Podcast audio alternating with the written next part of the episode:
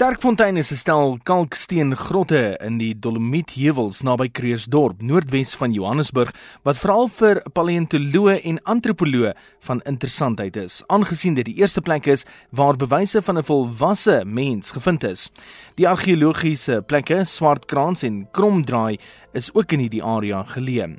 Menslike oorskot is oor die afgelope paar dekades in hierdie streek gevind.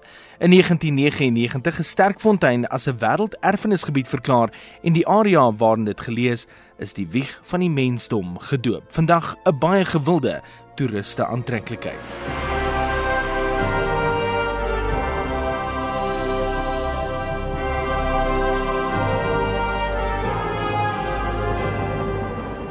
In die laat 1890s begin kalksteenmynwerkers fossiele raak sien en het dit onder wetenskaplikes se aandag gebring.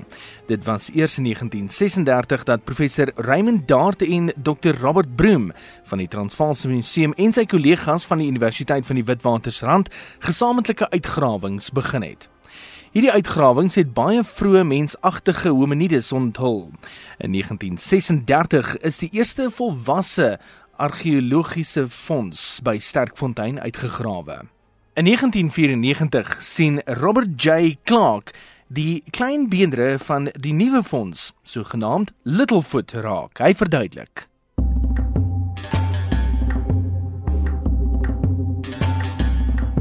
Littlefoot is the nickname that's given to um, a skeleton of an Australopithecus.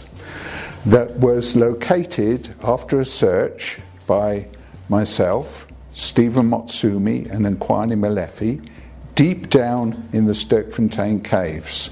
The name Littlefoot was initially given to four foot bones that I found in a box of animal fossils at Sturkfontein in 1994. And Professor Philip Tobias said, Oh, what a little foot. Ha ha ha, that's a good name. Let's call it Littlefoot uh, to contrast it with Bigfoot, the Sasquatch of North America.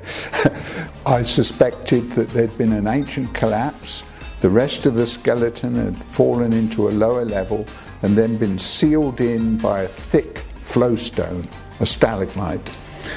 And so we chiseled through that stalagmite, and sure enough, one day uh, we found the part of the skull and then we continued to excavate and we got the skull and then later the arm much later uh, the forearm with the hand and then later still we got the upper legs and ribs and vertebrae it took a long time Naas die van Littlefoot is daar ook beendere van 'n sabeltand tier gevind. Littlefoot se aanvanklike ouderdom is op so 3.3 miljoen jaar geskat. Littlefoot is egter 2,8 miljoen jaar oud, aansienlik jonger as dit wat Dr Granger van die Pardue Universiteit in die VSA voorheen bereken het. Die ouderdom is vasgestel deur die kwarts waarin die fossiel gevind en ontleed is.